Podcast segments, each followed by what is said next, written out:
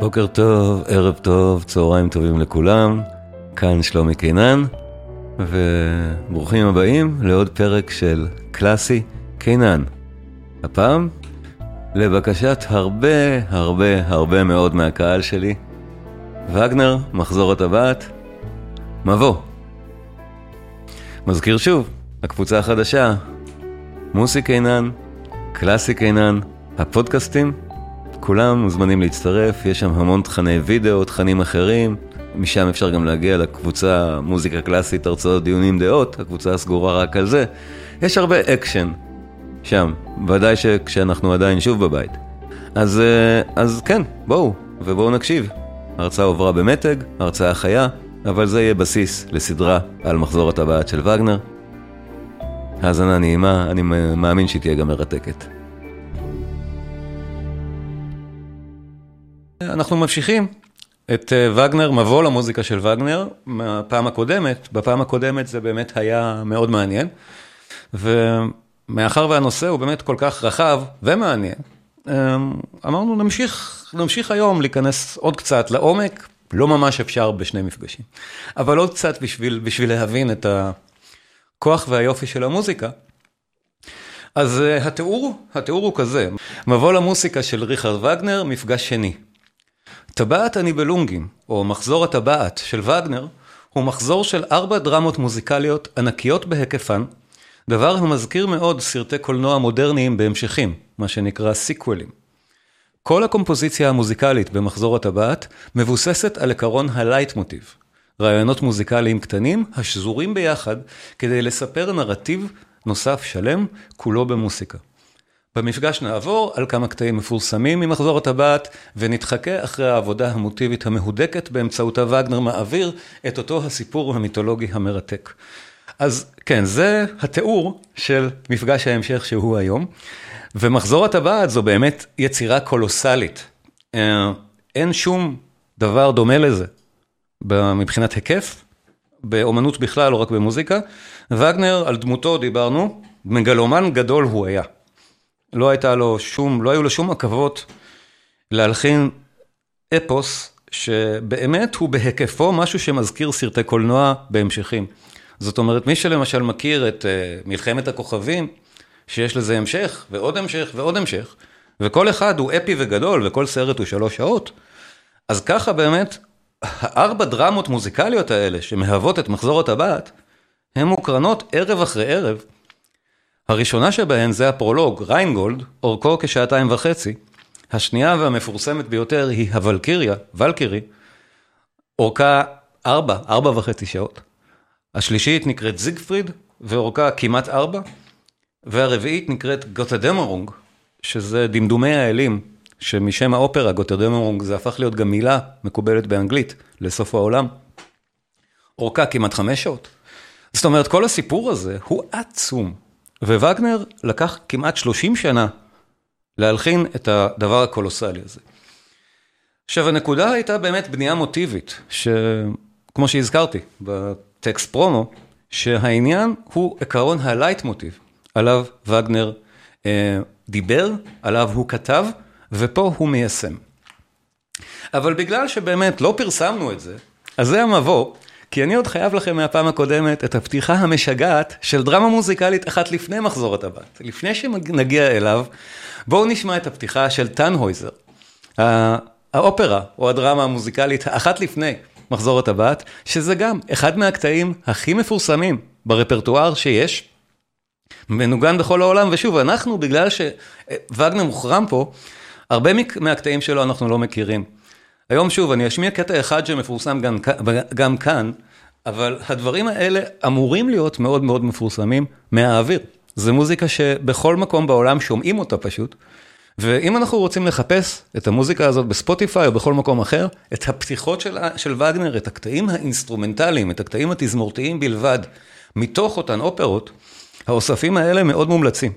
כי באמת, בלי באמת סוג של התמכרות או dedication, קשה לנו מאוד להקשיב למחזור של 16 שעות, שהוא מחזור הטבעת, וכולו בגרמנית.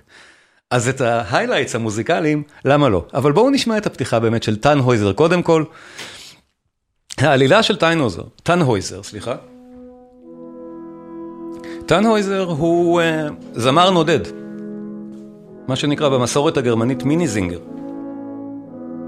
הוא מתגלגל בנדודיו אל האלה ונוס, אל משכנה של ונוס, ושם uh, בסוף הוא רוצה לעזוב, אחרי כל ההתהוללויות שהולכות שמה, שברור נרמזות במוזיקה גם מאוד, uh, ו- וזה הקונפליקט למעשה, שהוא הולך, הוא עוזב את, uh, את ונוס.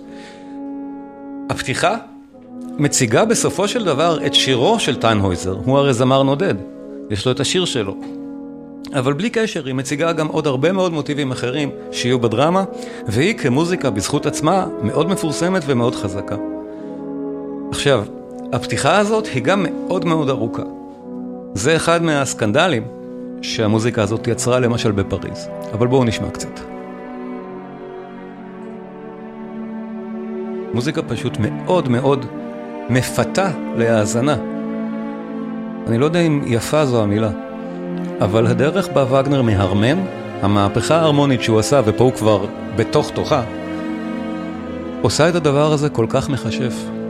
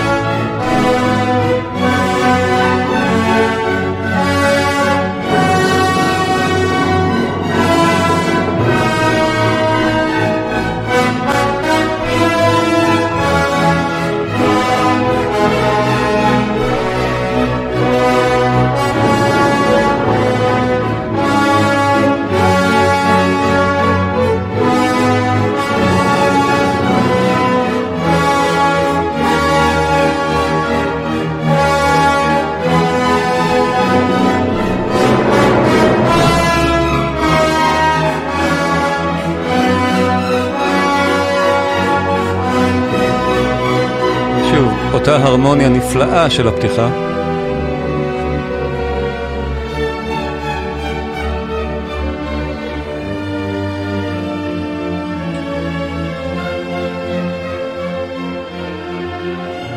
ואפשר לראות איך כאן זה יתחיל בעצם להיות הדבר המפורסם והמוכר מתוך אותה פתיחה. זאת אומרת, פה אנחנו נתחיל את הקטע הקצבי עם אותו שיר של טנהויזר. אבל המוזיקה הזאת באמת עוררה כל כך הרבה הערכה והערצה. חלק למשל ממה שהראיתי בפעם הקודמת, העתירה שנקראת נויש ויינשטיין, עתירת הברבור של אה, לודוויג מבוואריה, המלך לודוויג השני. אותה טירה שנבנתה כבעצם מקדש למוזיקה של וגנר, מוצגת כאמנות, כפסלים ותמונות. אז בתוכה כמובן שיש לנו גם מוצג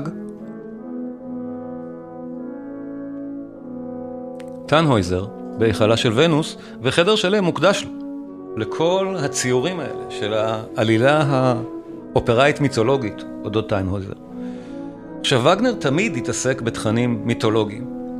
במחזור הטבעת אנחנו נראה את זה באופן הרבה הרבה יותר בולט, כי הוא כולו באמת מיתולוגיה. אבל גם זו, כמובן, כל היצירות שלו הן דמויות מיתולוגיה, ומחקר מיתולוגי זה היה אחד מהדברים שהוא בעצמו עשה.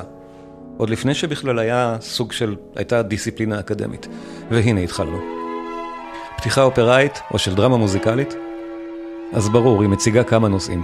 ופה התחלנו את העניין המקסים והמפורסם. כמו שאתם רואים, חתכתי את זה, לא נשמע את זה עד הסוף, כי זה כמעט 30 דקות של מוזיקה רצופה, לפני שמתחילה השירה האופראית.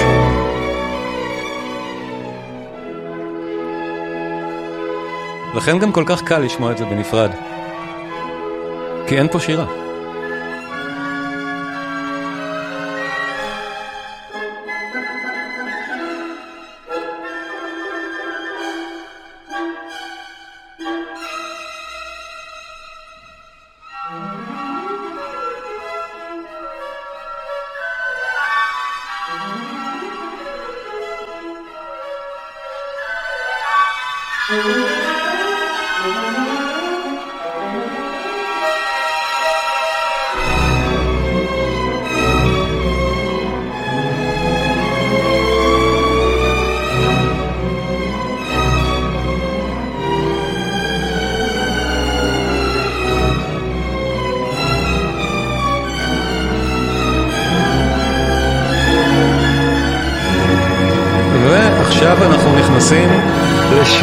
של טנהויזר עצמו.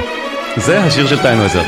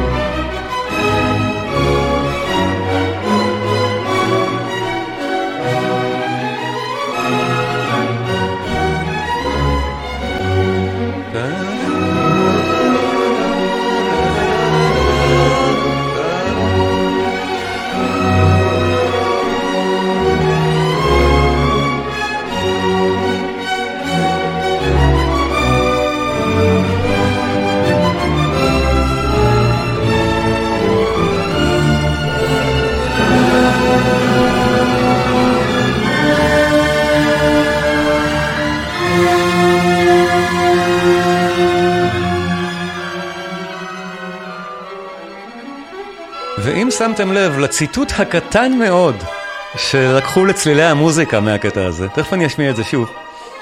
מאוד מעניין מדוע זה שם. מדוע בחרו רוג'רס והמרסטיין לצלצ... לצטט לדו רמי, דווקא קטע מווגנר, את זה.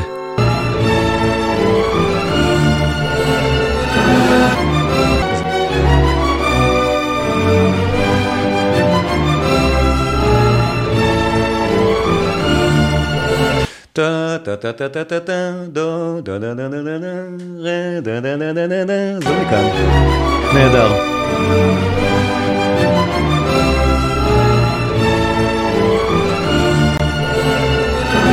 עכשיו כמובן לא נשמע את כל הפתיחה, בואו נשמע עוד קצת ממנה. אני אדבר על הרקע הזה מעט, כי הסקנדל הגדול שפתיחה כזאת יצרה בפריז זה סקנדל מפורסם. שחצי שעה של נגינה בלי שירה בכלל באופרה, ובטח שהדבר בהיכלה של ונוס, העניין הזה הוא לא כל כך שמרני בלשון המעטה. זאת אומרת, זו מה שנקרא בקחנליה. ככה וגנר גם קורא לחצי השני של אותה פתיחה. אז זה התקבל רע מאוד למשל בצרפת, ומאז וגנר כמובן שנא צרפתים. זו הייתה דרכו של וגנר, ברור. Uh, עדיין, היום, ובטח שבגרמניה, המוזיקה הזאת, וואו.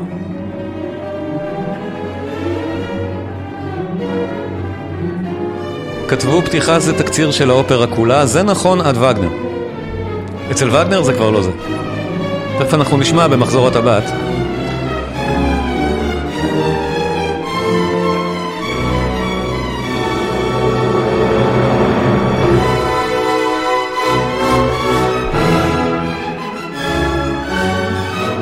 שוב, שירו של טנהויזר, נהדר, כל כך, כל כך חזק. מלא חיים באמת, מה שכתב, המוזיקה שלו מלאת חיים.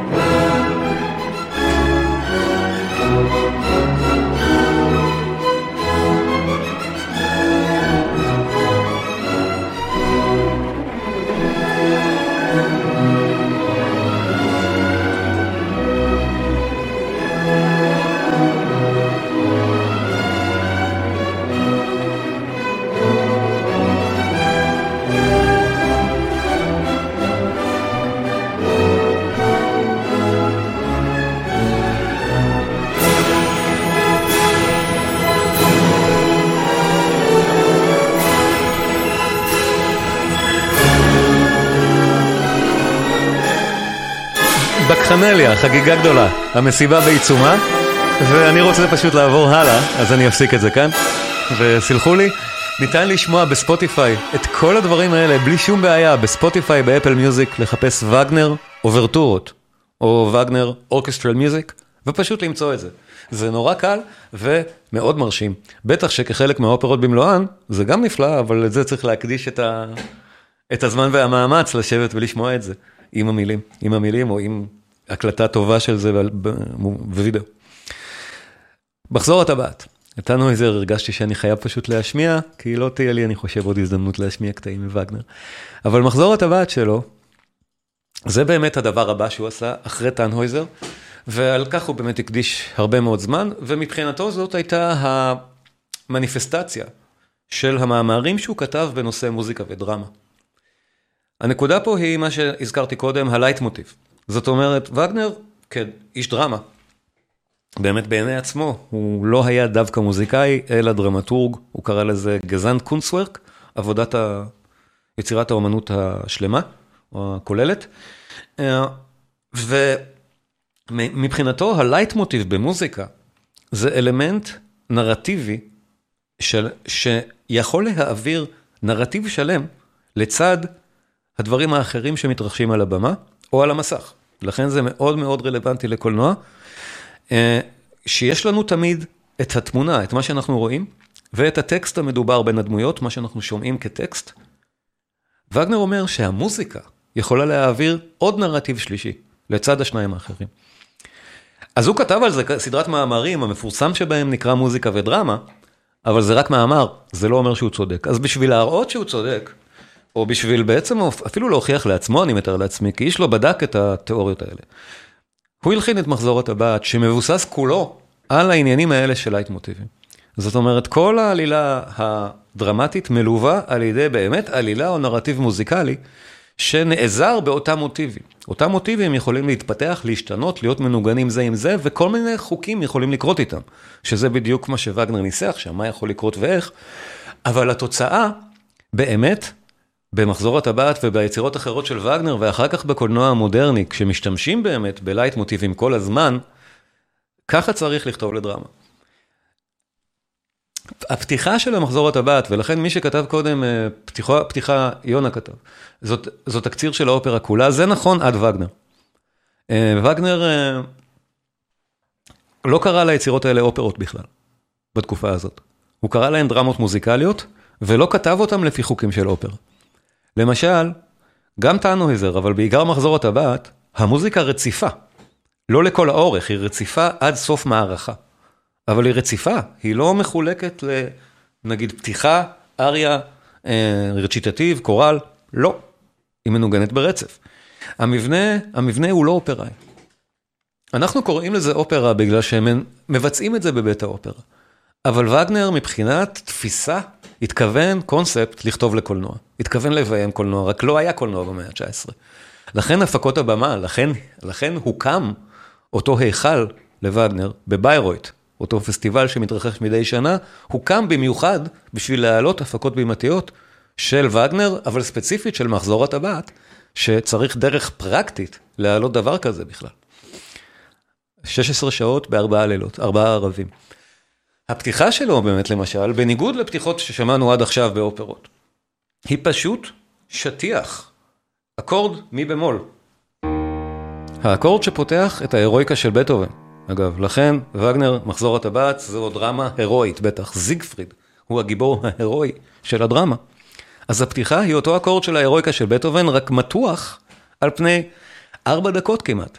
וכל מה שקורה פה זה בדיוק כמו בקולנוע, ההתרחשות היא רק מה שנקרא דינמית. זה עולה ועולה ועולה, אבל לא זז.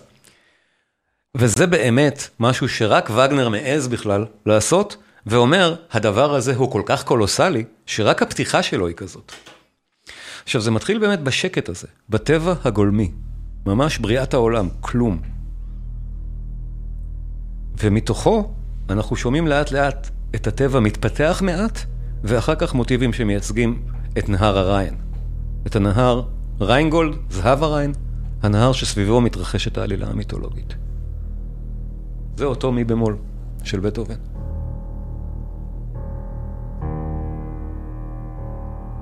פשוט.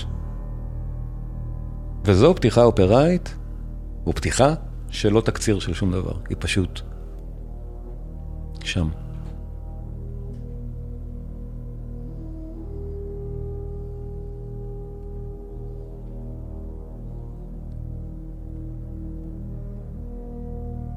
אנחנו שומעים את הקרן מנגנת מוטיב של טבע גולמי.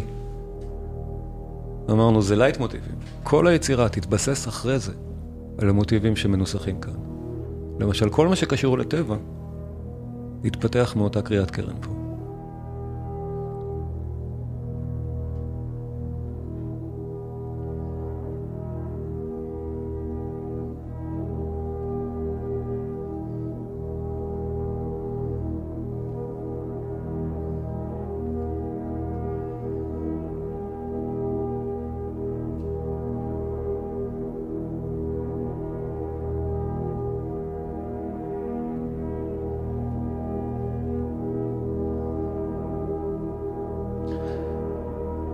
כמה מתח יש בקהל אז והיום, כשהמסך סגור ואנחנו שומעים את זה. וגנר היה איש דרמה מדהים, כל המוזיקה שלו הוא כתב בשביל האימפקט הבימתי שלו. והנה אנחנו מתחילים ושומעים עוד מוטיב במיתרים.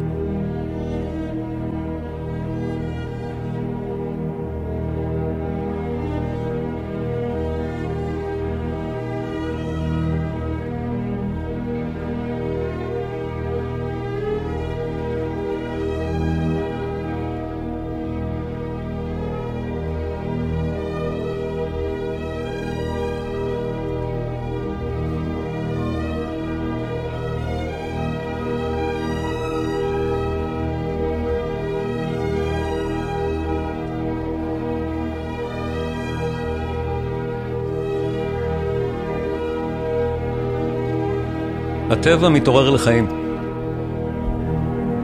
והמהירות הכפולה עכשיו, זה השצף של נהר הריין. עדיין על אותו מי במול, על אותו תו. אבל עכשיו התנועה היא כבר של הנהר מלמטה.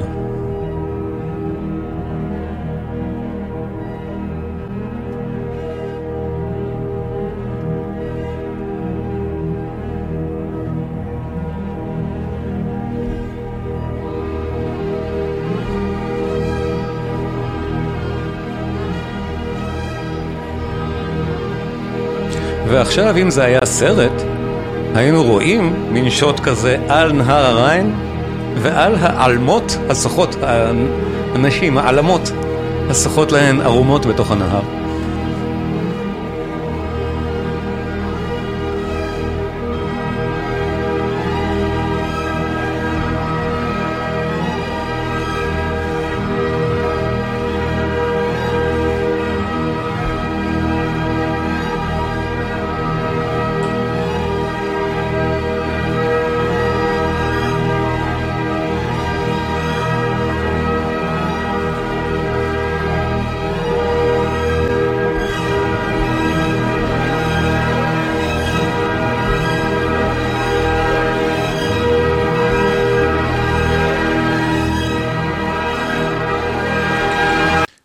זה קטוע בגלל שאין, זה לא נעצר, זה עובר מיד לתוך השירה של אלמות הריין, העלמות השלוש שרוקדות שמה בעירום, אה, ושרות על הזהב שלהן. שמחות בזהב שהוא מבחינתן אוצר טבע. אני לא אכנס לעלילה, לסינופסיס האופראי המיתולוגי המאוד רחב של טבעת הניבלונגים, אלא רק כשירות למוזיקה אותה אני משמיע. אבל הנקודה היא שכן, זה נקרא מחזור הטבעת, או טבעת הניבלונגים, בגלל שהניבלונגים זה אותו גזע של גמדים, או של אנשים נמוכים, מכוערים כאלה, שחיים איפשהו במערות מתחת לאדמה, מתחת לריין, אז הניבלונגים, או ראש הניבלונגים אלבריך, גונב את אותו זהב מבנות הריין, ויוצק ממנו טבעת, שמי שמחזיק בטבעת יכול לשלוט על העולם, וזאת טבעת הרוע והכאוס. סוג העלילה שנשמע באמת כמו שר הטבעות, גם טולקין מאוד מושפע מווגנר, והמיתולוגיה שעליה הוא ביסס את הדבר, או כל השמות למשל שמופיעים פה, זה המיתולוגיה הנורדית בכלל, רק שבה אין שום טבעת. אבל יש בה רק את השמות המיתולוגיים ואת העלילה על זיגפריד למשל. אבל לא על אותה טבעת כוח, זה של וגנר. והרעיון מאחורי האמירה החברתית שיש מאחורי מחזור הטבעת, הוא חזק לא פחות מהמיתולוגיה. הכוח משחית. אותה טבעת, יש לה מוטיב מוזיקלי. מיד אחר כך, או חצי שעה אחר כך, בהתחלה של המערכה הבאה בריינגולד, אה, אנחנו שומעים את מוטיב הטבעת של אלבריך, נשמע ככה, מאיים כזה.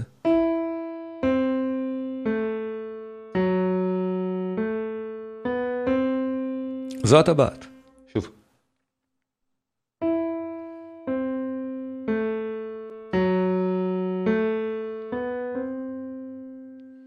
הופך בסדרה הדרגתית מאוד, במח... בחילוף בין שתי מערכות, למוטיב טירת השמיים של האלים, של כוחות הטוב לכאורה.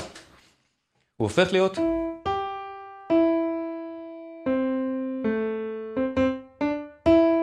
אנחנו נשמע את כל המעבר הזה בחילופי המערכות בין טבעת הרוע של אלבריך הופכת להיות טירת השמיים שמייצגת את כוחם של האלים. וזה כוחו של הלייט מוטיב, להעביר את המסרים האלה בדרמה. בואו נשמע את הסצנה הזאת, אלבריך מייצר את אותה הטבעת והולך למעמקי האדמה, ואז אנחנו שומעים את מוטיב הטבעת. שנייה, אני אנגן אותו שוב.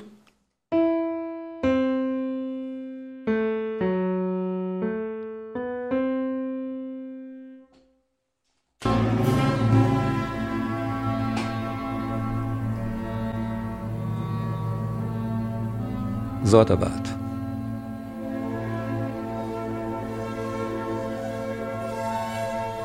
ינוגן שוב, אבל אחר מעט, פחות מאיים.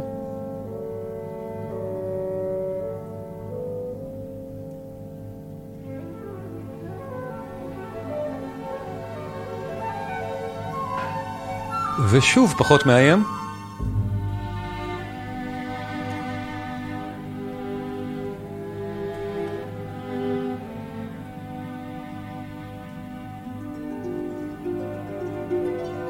וכאן אנחנו ממש נוסקים, עולים ממעמקי האדמה של הניבלונגים, שחוצבים את הטבעות שלהם, על השמיים, עד טירת האלים היא ולהלה. בסדרה של טרנסמוטציות של אותו מוטיב מוזיקלי שהופך להיות מטבעת הרשע לטירת האלים ולהלה.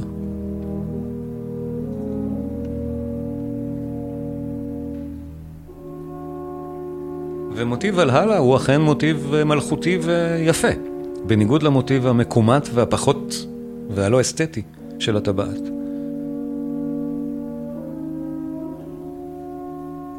והגענו לוולהלה.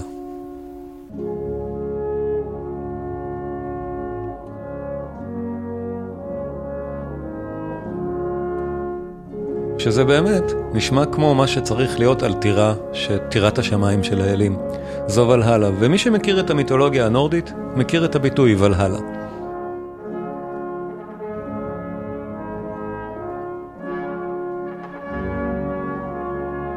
המעבר הזה הוא מרתק, יפהפה, והוא רק מראה באמת מה כוחו של הלייטמוטיב, מה הטכניקה הזאת יכולה לעשות ומה היא יכולה להביע.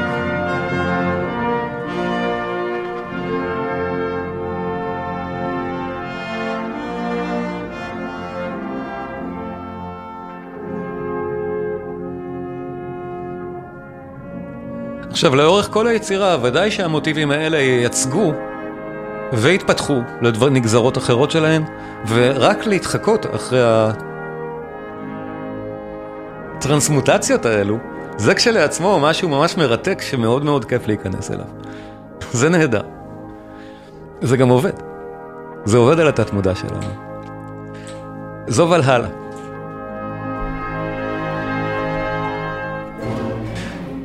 ועכשיו האלים שרים, הם, הסצנה עוברת לוולהלה, בשמיים. ווטן הוא מלך האלים, מי ששוב מכיר את המיתולוגיה, השם, שמו בנורדית הוא אודין, כאן הוא נקרא בגרמנית ווטן.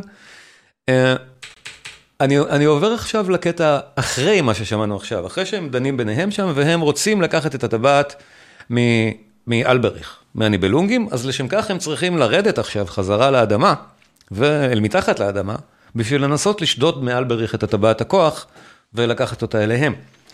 אז אנחנו ממש שומעים במוזיקה את אותה תנועה של כזאת, מהשמיים, ככה, אל המערות. זה מאוד מאוד מרשים, כמוזיקה, כי וגנר אין קולנוע, הוא לא יכול לצלם את הדברים האלה, זה לא שר הטבעות, אבל הוא מאוד רוצה. אז בואו נשמע את זה, הדיסנט, העלייה, הירידה לניב, לניבלהיים, לארץ של הניבלונגים.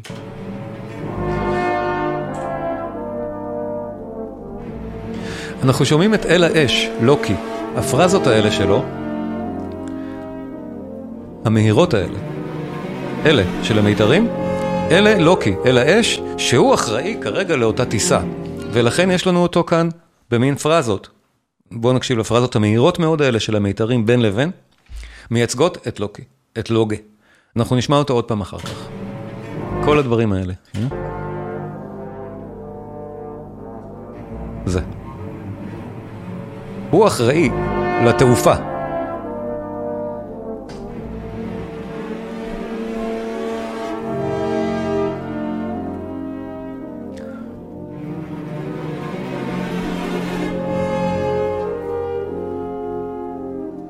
ועכשיו מתחילים לרדת אל ניבלהיים.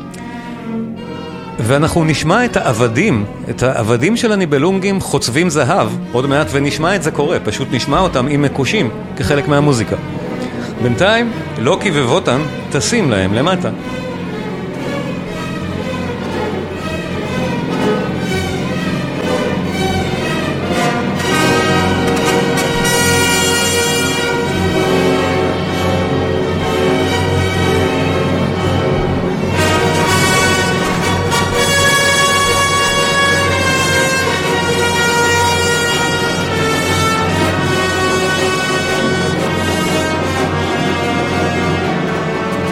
ואלה העבדים הניבלונגים, עובדים על הזהב.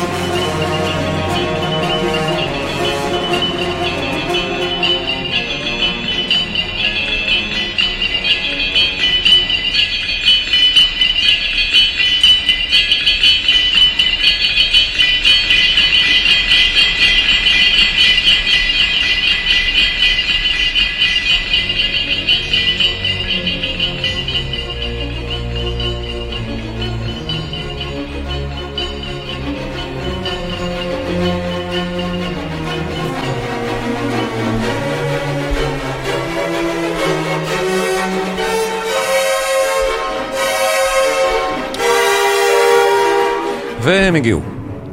ועכשיו הם, אנחנו שומעים פה את אלבריך ואת אחיו מימה מדברים ויש פה דיאלוג שלם ביניהם, אבל אנחנו אמרנו, קטעים אופראיים אנחנו נאזין פחות, נשמע את המעברים האלה ואת הלייט מוטיבים.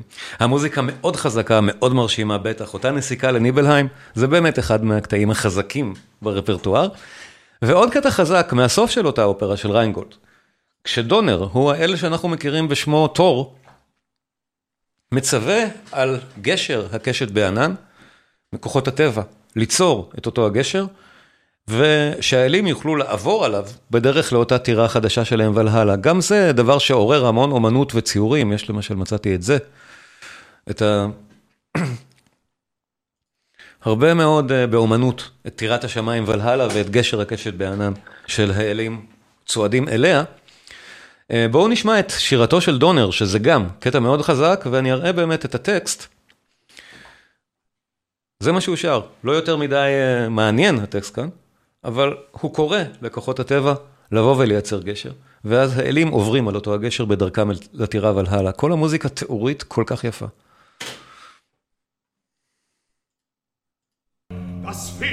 רגע, סליחה.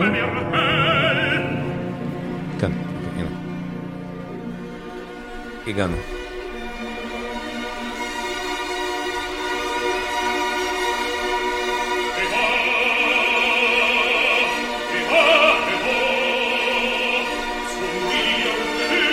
התנועה מאחור היא פשוט נהדרת, התנועה של המוזיקה.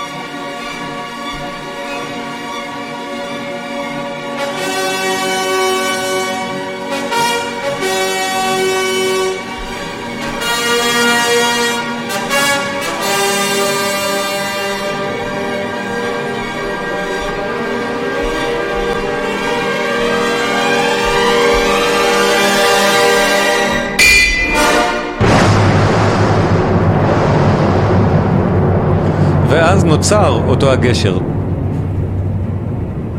דונר זימן את גשר הקשת בענן, והוא נוצר.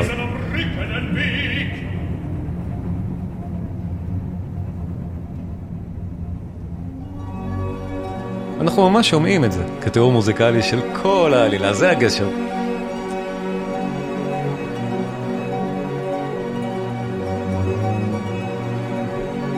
יש לו את אותה תנועה של המים של הריין, כל כוחות הטבע ביצירה נשמעים כך, ותכף אנחנו נשמע את הקטע הבא. את הקטע הכי מפורסם, אני חושב, בטח שבארץ של וגנר, השמעתי אותו גם בפעם הקודמת. את אה, מה שנקרא רכיבת הוולקיריות או מעוף הוולקיריות.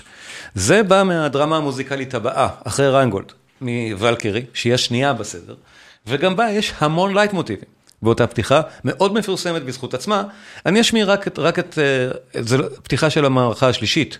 ב, uh, ולקירי, רק למי שלא שמע בפעם הקודמת, זה אחד מהקטעים הכי ידועים פשוט ברפרטואר, שאי אפשר להתעלם ממנו, נשמע רק את תחילתו. זה המקום בו ברונהילדה, שהיא הגיבורה שתכף ניכנס אליה, ושמונה אחיותיה הוולקיריות, אה, מטיסות את גופות הלוחמים המתים משדה הקרב אל טירת האלים לחיים, אה, חיי נצח בוולהלה.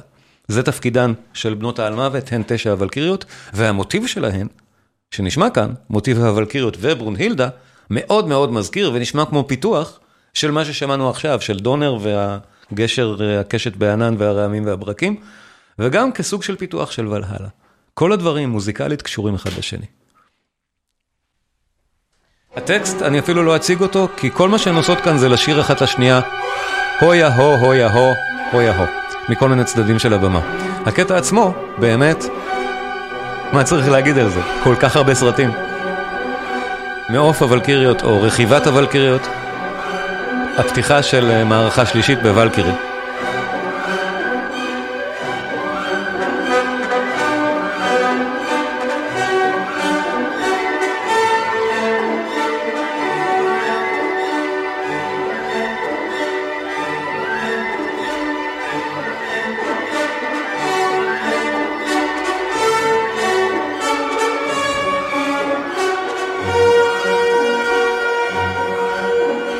אני חושב שמכירים את זה באמת טוב מאפוקוליפסה עכשיו, אבל זה היה בכל כך הרבה סרטים אחרים גם. והמוזיקה הזאת היא גם, היא גם רינגטון מאוד מפורסם.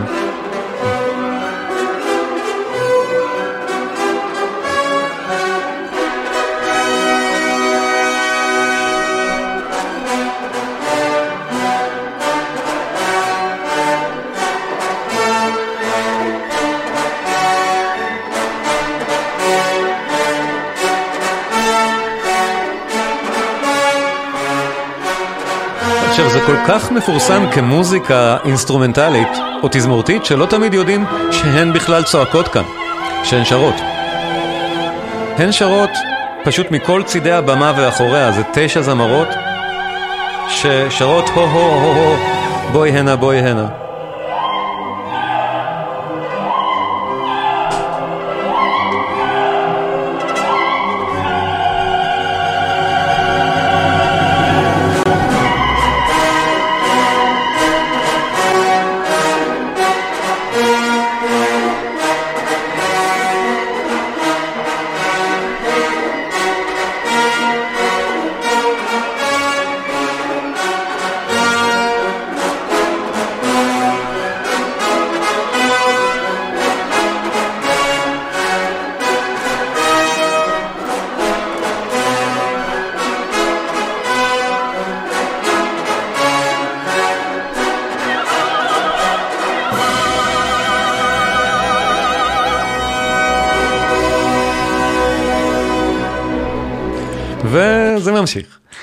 המוזיקה הזאת היא באמת כל כך אה, חזקה שהיא זכתה להיות בהמון אה, סרטים ו- ו- ואנחנו מכירים אותה גם כאן בארץ, בטח. אי אפשר, אי אפשר להתחמק מזה.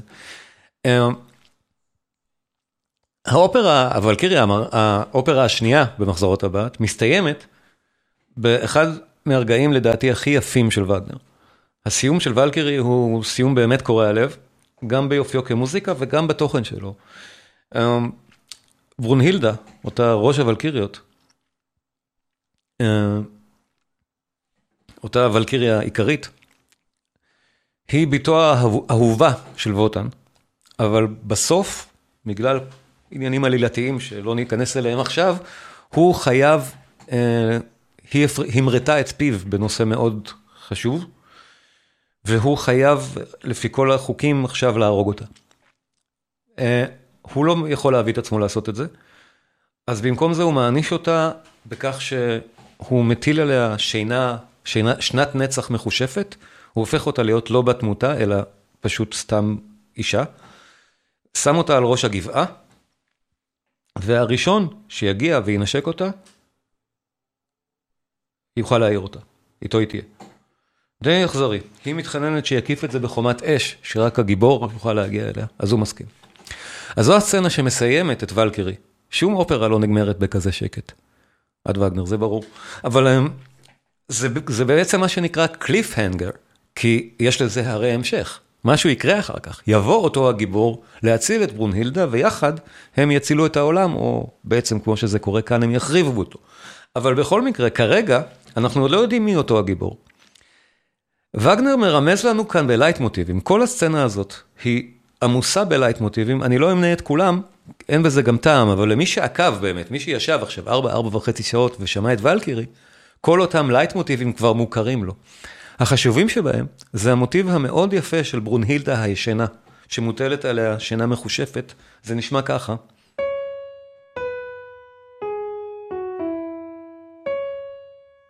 פשוט חוזר על עצמו.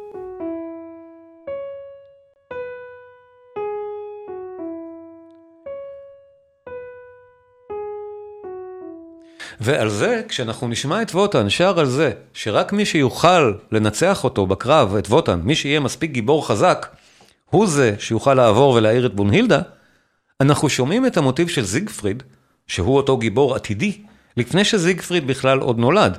זאת אומרת, זיגפריד זה רק באופרה הבאה. אבל יש לנו את המוטיב המוזיקלי.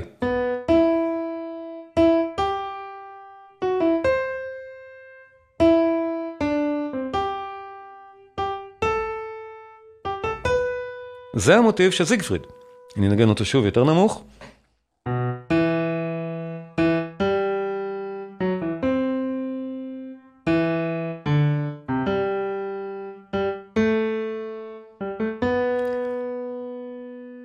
אנחנו נשמע את שני אלה מגיעים עוד מעט, אחרי שווטן קורא ללוקי, לוקי, אל האש ממקודם, ואנחנו נשמע את אותן פרזות של אש מגיעות, לייצר את אותה חומת אש קסומה, ונשמע את המוזיקה של חומת האש. כל זה מתרחש כאן, על הסצנה שמסיימת את ולקרי. בואו נשמע, אני אראה גם את הטקסט, הוא לא ארוך כאן, אנחנו מדברים רק על הסוף, כשווטן קורא ל...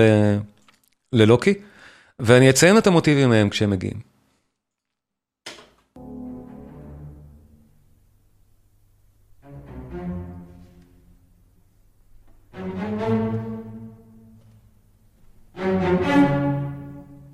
זה מוטיב ווטן. זה.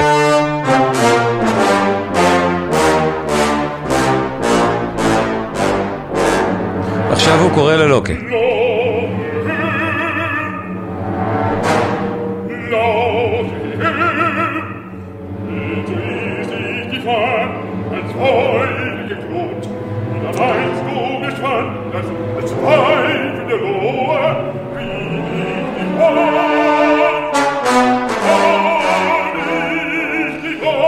ואנחנו שומעים אותו מגיע. זה לא כמגיע, המוזיקה הזאת מאחורה. החמוד הזה, זה לוקי. כי הוא אל השובבות והאיש. לא, כן.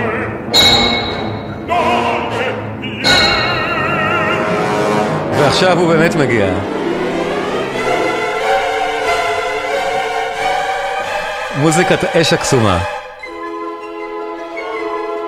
זו האש שמקיפה, האש הקסומה שלוקי אה, מייצר עכשיו, מכשף, כדי להקיף את ברונילדה על ראש ההר.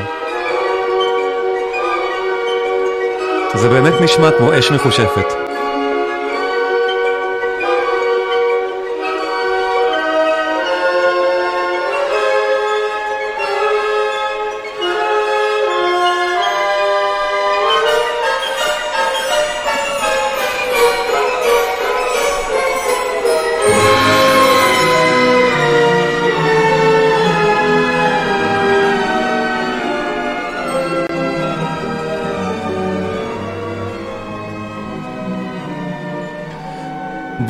הישנה. מה שניגנתי קודם?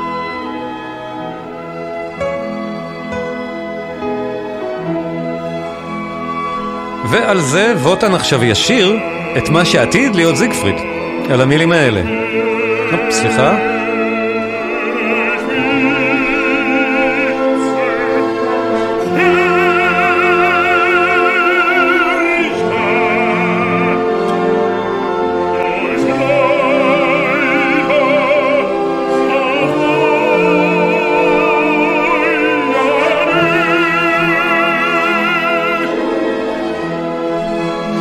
ומוטיב זיגפריד מנוגן עכשיו חזק מאוד.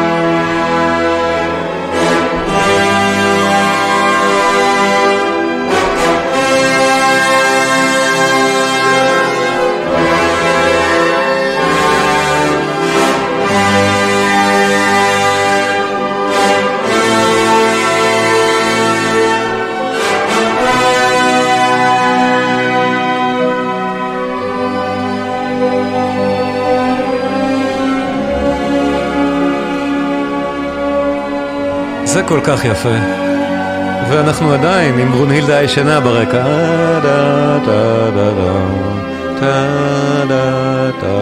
כל הזמן. כל כך נוגע ללב.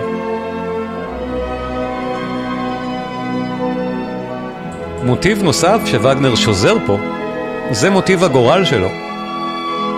הגורל מוכרע עכשיו, הגורל של העלילה הזאת, והוא רוצה להשאיר אותנו עם קליפהנגר. אז תכף נשמע פעמיים, שני הדברים האלה פה. את מוטיב הגורל המאוד מאיים ומעניין מנוגן, כאן ברקע. זה, פעמיים.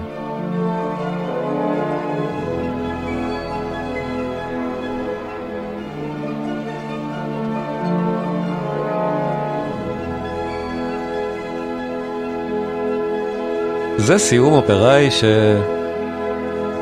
אנחנו לא, לא מכירים מאף מלחין.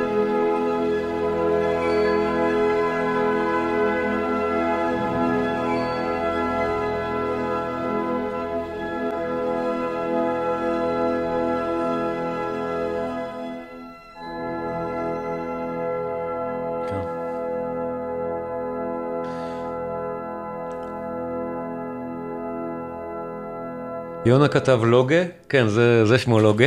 אני, אני הגיתי את זה כלוקי במיתולוגיה הנורדית, אבל אה, לוגה בגרמנית, כן. השמות הם מעט שונים בגרמנית ובשפות נורדיות, זה נכון. ווטן הוא אודין. אמ, דונר הוא תור, ויש עוד כמה מקבילות מהסוג הזה. I'm very curious if you wouldn't have known the stories of the ring. How would you explain his music? Um, זו שאלה טובה, אני אענה בעברית. That's a very good question. Um, אני מכיר את, ה, את הסיפור, ואני בטח לא רואה את זה אובייקטיבית, אבל אני התוודעתי בהתחלה למוזיקה. המוזיקה סקרנה אותי מאוד, בשביל מספיק להתעניין בזה, ולהאזין לדברים האלה, ולשמוע אותם בשפת המקור, עם הטקסטים, וגם לנתח אותם מוזיקלית. זה מאוד מאוד חזק באמת. בטח למוזיקאים או, או אנשים שאוהבים תרבות גבוהה, מה שנקרא, כי יש בזה המון עומק. הדבר הזה הוא בטח מלא רבדים וממש לא שטוח. אז אה, זה מה שהדליק אותי. זה מאוד, מאוד עוזר להכיר את העלילה, אבל אני חושב שקודם כל המוזיקה היא מדברת אליי כאן. קודם כל. כל השאר מבחינתי בא אחר כך. אבל אני בהחלט נעזר פה בעלילה על מנת uh, להסביר את המוזיקה, ובואו באמת, הזמן טס, אז לפני סיום, בואו נשמע אה, את גוטדמורונג, את האופרה האחרונה ממחזור הטבעת, היא באמת יצירה קולוסלית, ענקית ודי טראגית. אה, וגנר מסיים את זה ברוח לא, הסוף הוא לא טוב במיוחד. אה, יש לו פה מסר, או האג'נדה של וגנר היא נגד הסדר הישן. אז כל העולם נחרב, לכן זה נקרא גוטדמורונג. אה, דמדומי האלים. אה, אז אני לא רוצה לסיים בסוף של גוטה דמורונג, אבל אני כן רוצה להשמיע קטע משם, את אה, מסע הריין של זיגפריד. אה, זיגפריד, אחרי שפוגש סוף סוף את ברונהילדה, ונותן הם עושים אהבה כמובן, ונהיים זוג, מחליט ללכת לעוד הרפתקאות בגוטנמרונג, בתחילת גוטנמרונג, ואנחנו, וגנר מתאר כאן במוסיקה את מסע, מה שהוא קורא לו מסע הריין שלו, את זיגפריד יורד על הסוס שלו, מההר הזה, עליו ברונהילדה וזיגפריד, שם הם נפגשו, עד הנהר, עד הריין. עכשיו, בגלל שזה לא קולנוע, אי אפשר להראות כלום, אז ברגע הזה המסך כנראה נסגר, ורק המוזיקה מתארת לנו את המסע של זיגפריד. כי אי אפשר להראות סוסים במסע ב... על במת האופרה בביירויט. וזה בדיוק, איך הוא עושה את זה? וגנר בדיוק משתמש באותם מוטיבים שבוססו עד עכשיו כתיאורי נוף. זאת אומרת, אנחנו נשמע באותו מסע למשל, את זיגפריד עובר הפוך עכשיו, את חומת האש, ש... שלוקי בנה, הוא עובר אותה עכשיו בדרכו למטה אל נהר הריין. אז בעצם המאזין שומע את שלל המוטיבים ותיאורי הנוף שווגנר בנה ב-13 השעות שבילינו איתו עד עכשיו, בשלוש האופרות הקודמות ועוד טיפה מזאת. בואו נשמע, מסע הריין של זיגפריד. זה מתחיל בקרן של זיגפריד. זו קריאת הקרן של זיגפריד. יש לזיגפריד כמה מוטיבים, זה אחד מהם, אחרי זה יהיה את המוטיב, אה, מוטיב זיגפריד עצמו. אבל זו קריאת הקרן שלו.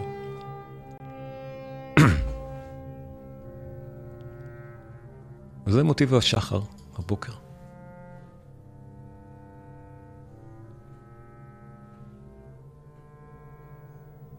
השמות זיגפריד ואודיל, אודט? אני לא יודע באמת, לא יודע. אולי.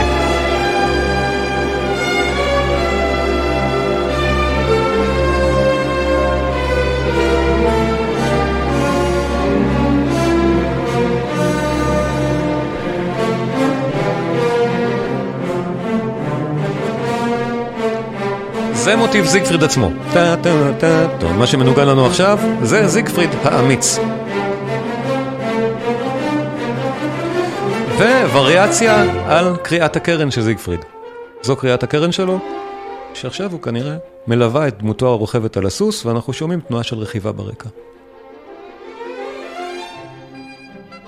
עוד מעט שימו לב, הפיגורציות של האש המחושפת מקודם תתחלנה ללוות את זיגפריד הרוכב. עכשיו זה קורה. זאת אותה אש ששמענו קודם, רק עכשיו זיגפריד רוכב דרכה, למטה.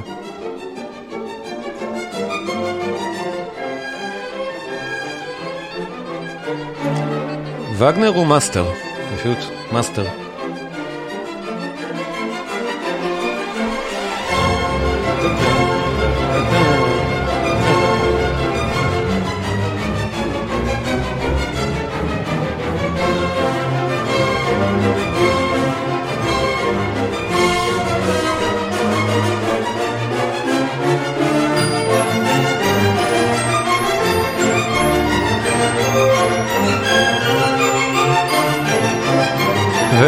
אנחנו נשמע את נהר הריין. זיגפריד מגיע לריין, ואנחנו שומעים את התנועה של הנהר מפתיחת היצירה. זה מה ששמענו בפתיחה, נהר הריין.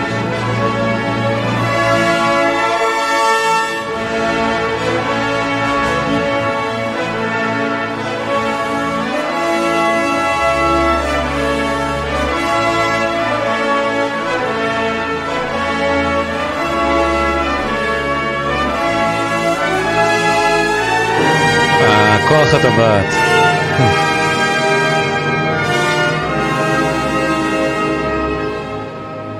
אז המוזיקה המאוד מרשימה שאנחנו שמענו ושומעים עכשיו, היא בעצם סדרה של לייט מוטיבים שכבר בוססו קודם, ומתערבבים להם אחד בשני.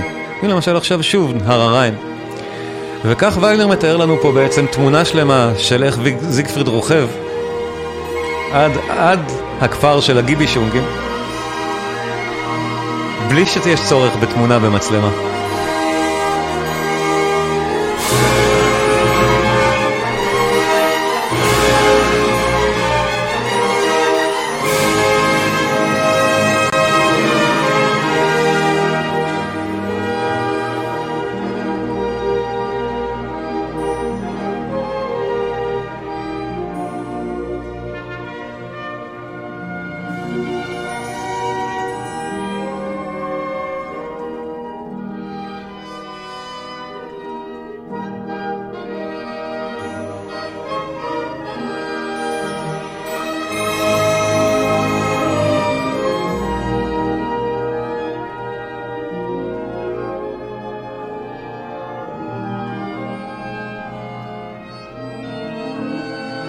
עכשיו, כאמור, וגנר לא מסיים שום קטע כזה, כי כל המוזיקה מנוגנת ברצף.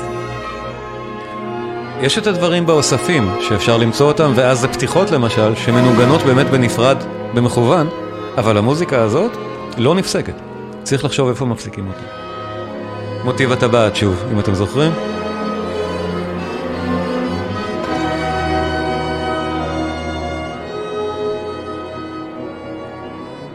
וזהו, וזיגפריד הגיע למטה. אז עצרנו. באמת לסיום, כי אני רוצה עוד דבר אחרון ויפהפה, את הסיום של היצירה האחרונה וגנר, של פרסיפל, פשוט בשביל באמת לסגור את השתי, שתי ההרצאות האלה, בכך שהשמעתי קטעים מכל היצירות של וגנר, אה, בפעם הקודמת והפעם. פרסיפל היא עומדת אה, יוצאת דופן, כי אופרה כאילו, יצירה כאילו דתית, אבל למעשה היא לא באמת דתית, ולדבר עליה עכשיו זה יהיה אה, מאוד מאוד אה, מורכב. המוזיקה אלוהית, העלילה האופראית בעייתית מאוד באמת, בגלל הדרך בה וגנר מתייחס פה לדת, ולכן גם פרסיפל הייתה מאוד שנויה במחלוקת בזמן שווגנר פרסם אותה וביצע אותה בפעם הראשונה בביירויט. אבל זה היה בתקופה שווגנר, זה באמת הדבר האחרון שהוא עשה, ובתקופה שהוא כבר היה חסין אש. זאת אומרת, הוא יכול היה לעשות מה שהוא רוצה, ואהבו את זה מאוד. הדבר הזה, עקרונית, עמד במחלוקת קונספטואלית של מה הוא רוצה להגיד כאן, אבל המוזיקה, אלוהית. בואו פשוט נשמע את הסיום של פרסיפל. רק, רק את הסוף בשביל לטעום. מוזיקה מקהלתית נהדרת של וגנר, לא שמענו עוד כזאת בכלל, כי לא... הוא כתב למקהלה הרבה מאוד לפני ואחרי מחזור הטבעת, אבל לא שם. ואז את הסיום הבאמת מהמם של פרסיפל.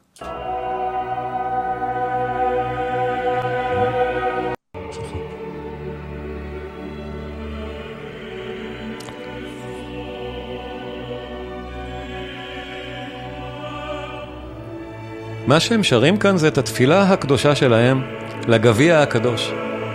אלה אבירי uh, הטמפלרים, שאחרי כל השש או חמש שעות של פרסיפל, הגיעו למנוחה והנחלה, אותה אנחנו שומעים פה. זה לא באמת נוצרי. זה כאילו דתי. המוזיקה וואו.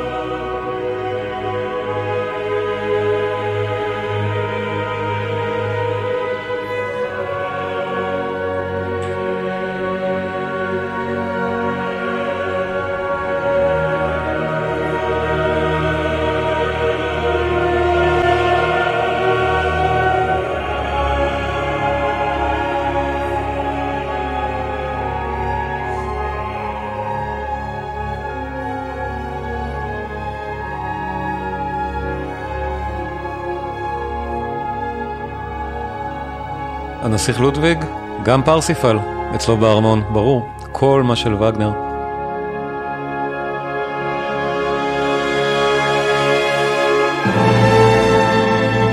פרסיפל ואבירי הטמפלרים. כל כך יפה.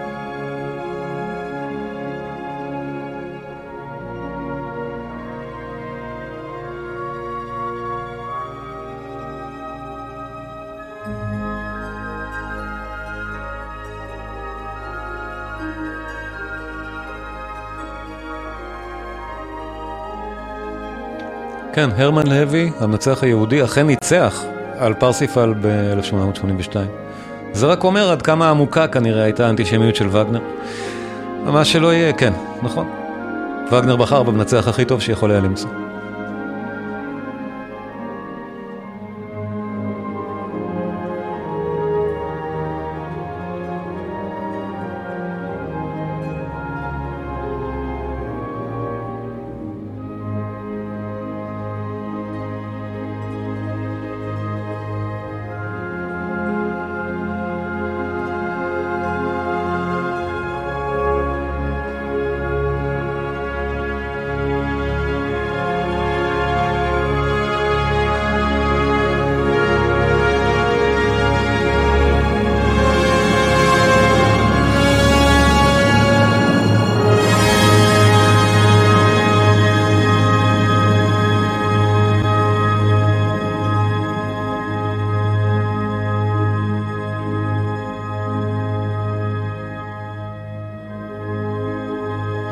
תודה רבה לכם על ההאזנה, הצפייה וההשתתפות.